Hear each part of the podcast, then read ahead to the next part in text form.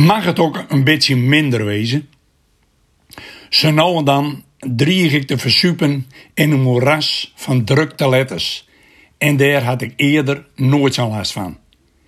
In mijn jongensjaren al helemaal niet.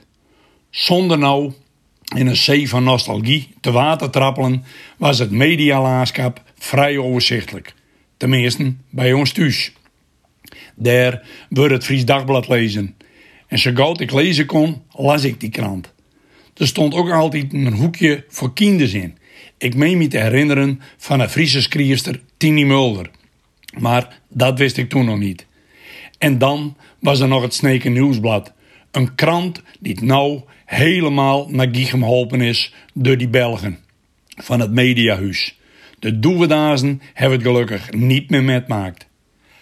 Later kwam de wijte site ook nog op een kokersmat hier in de Zuidwesthoek. Dat was het bij ons thuis dan wel zo'n beetje een kranten. Verder las ons moeke trouw de Elisabethbode.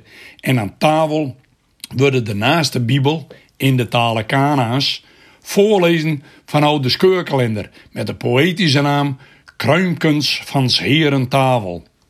Ga er maar aan staan. Ze gereformeerd aan eten, maar verder helemaal niks mis met. Kom daar tegenwoordig nog eens om. Ik ben nou abonneerd op drie papieren kranten, inclusief digitale versie. En dan is er nog de sociale media.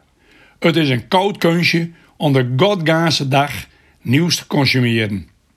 Tot er een moment komt dat ik zeg, en als het mooi weest, ik wil geen deurdraaide nieuw junkie worden. Ik had met het uitbreken van de oorlog in de Oekraïne even nacht van het doemscrollen.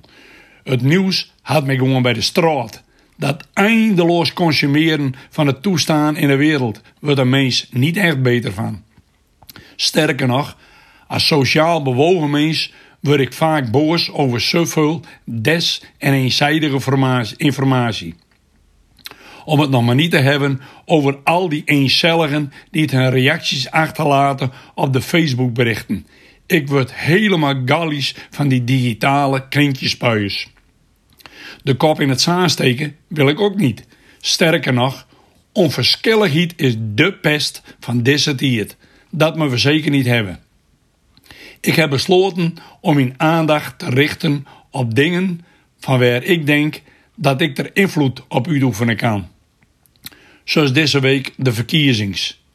Je bent voor mij echt oud als je wel hield aan het eekmieren binnen op lokale bestuurders, maar zelf niet te stemmen gaan.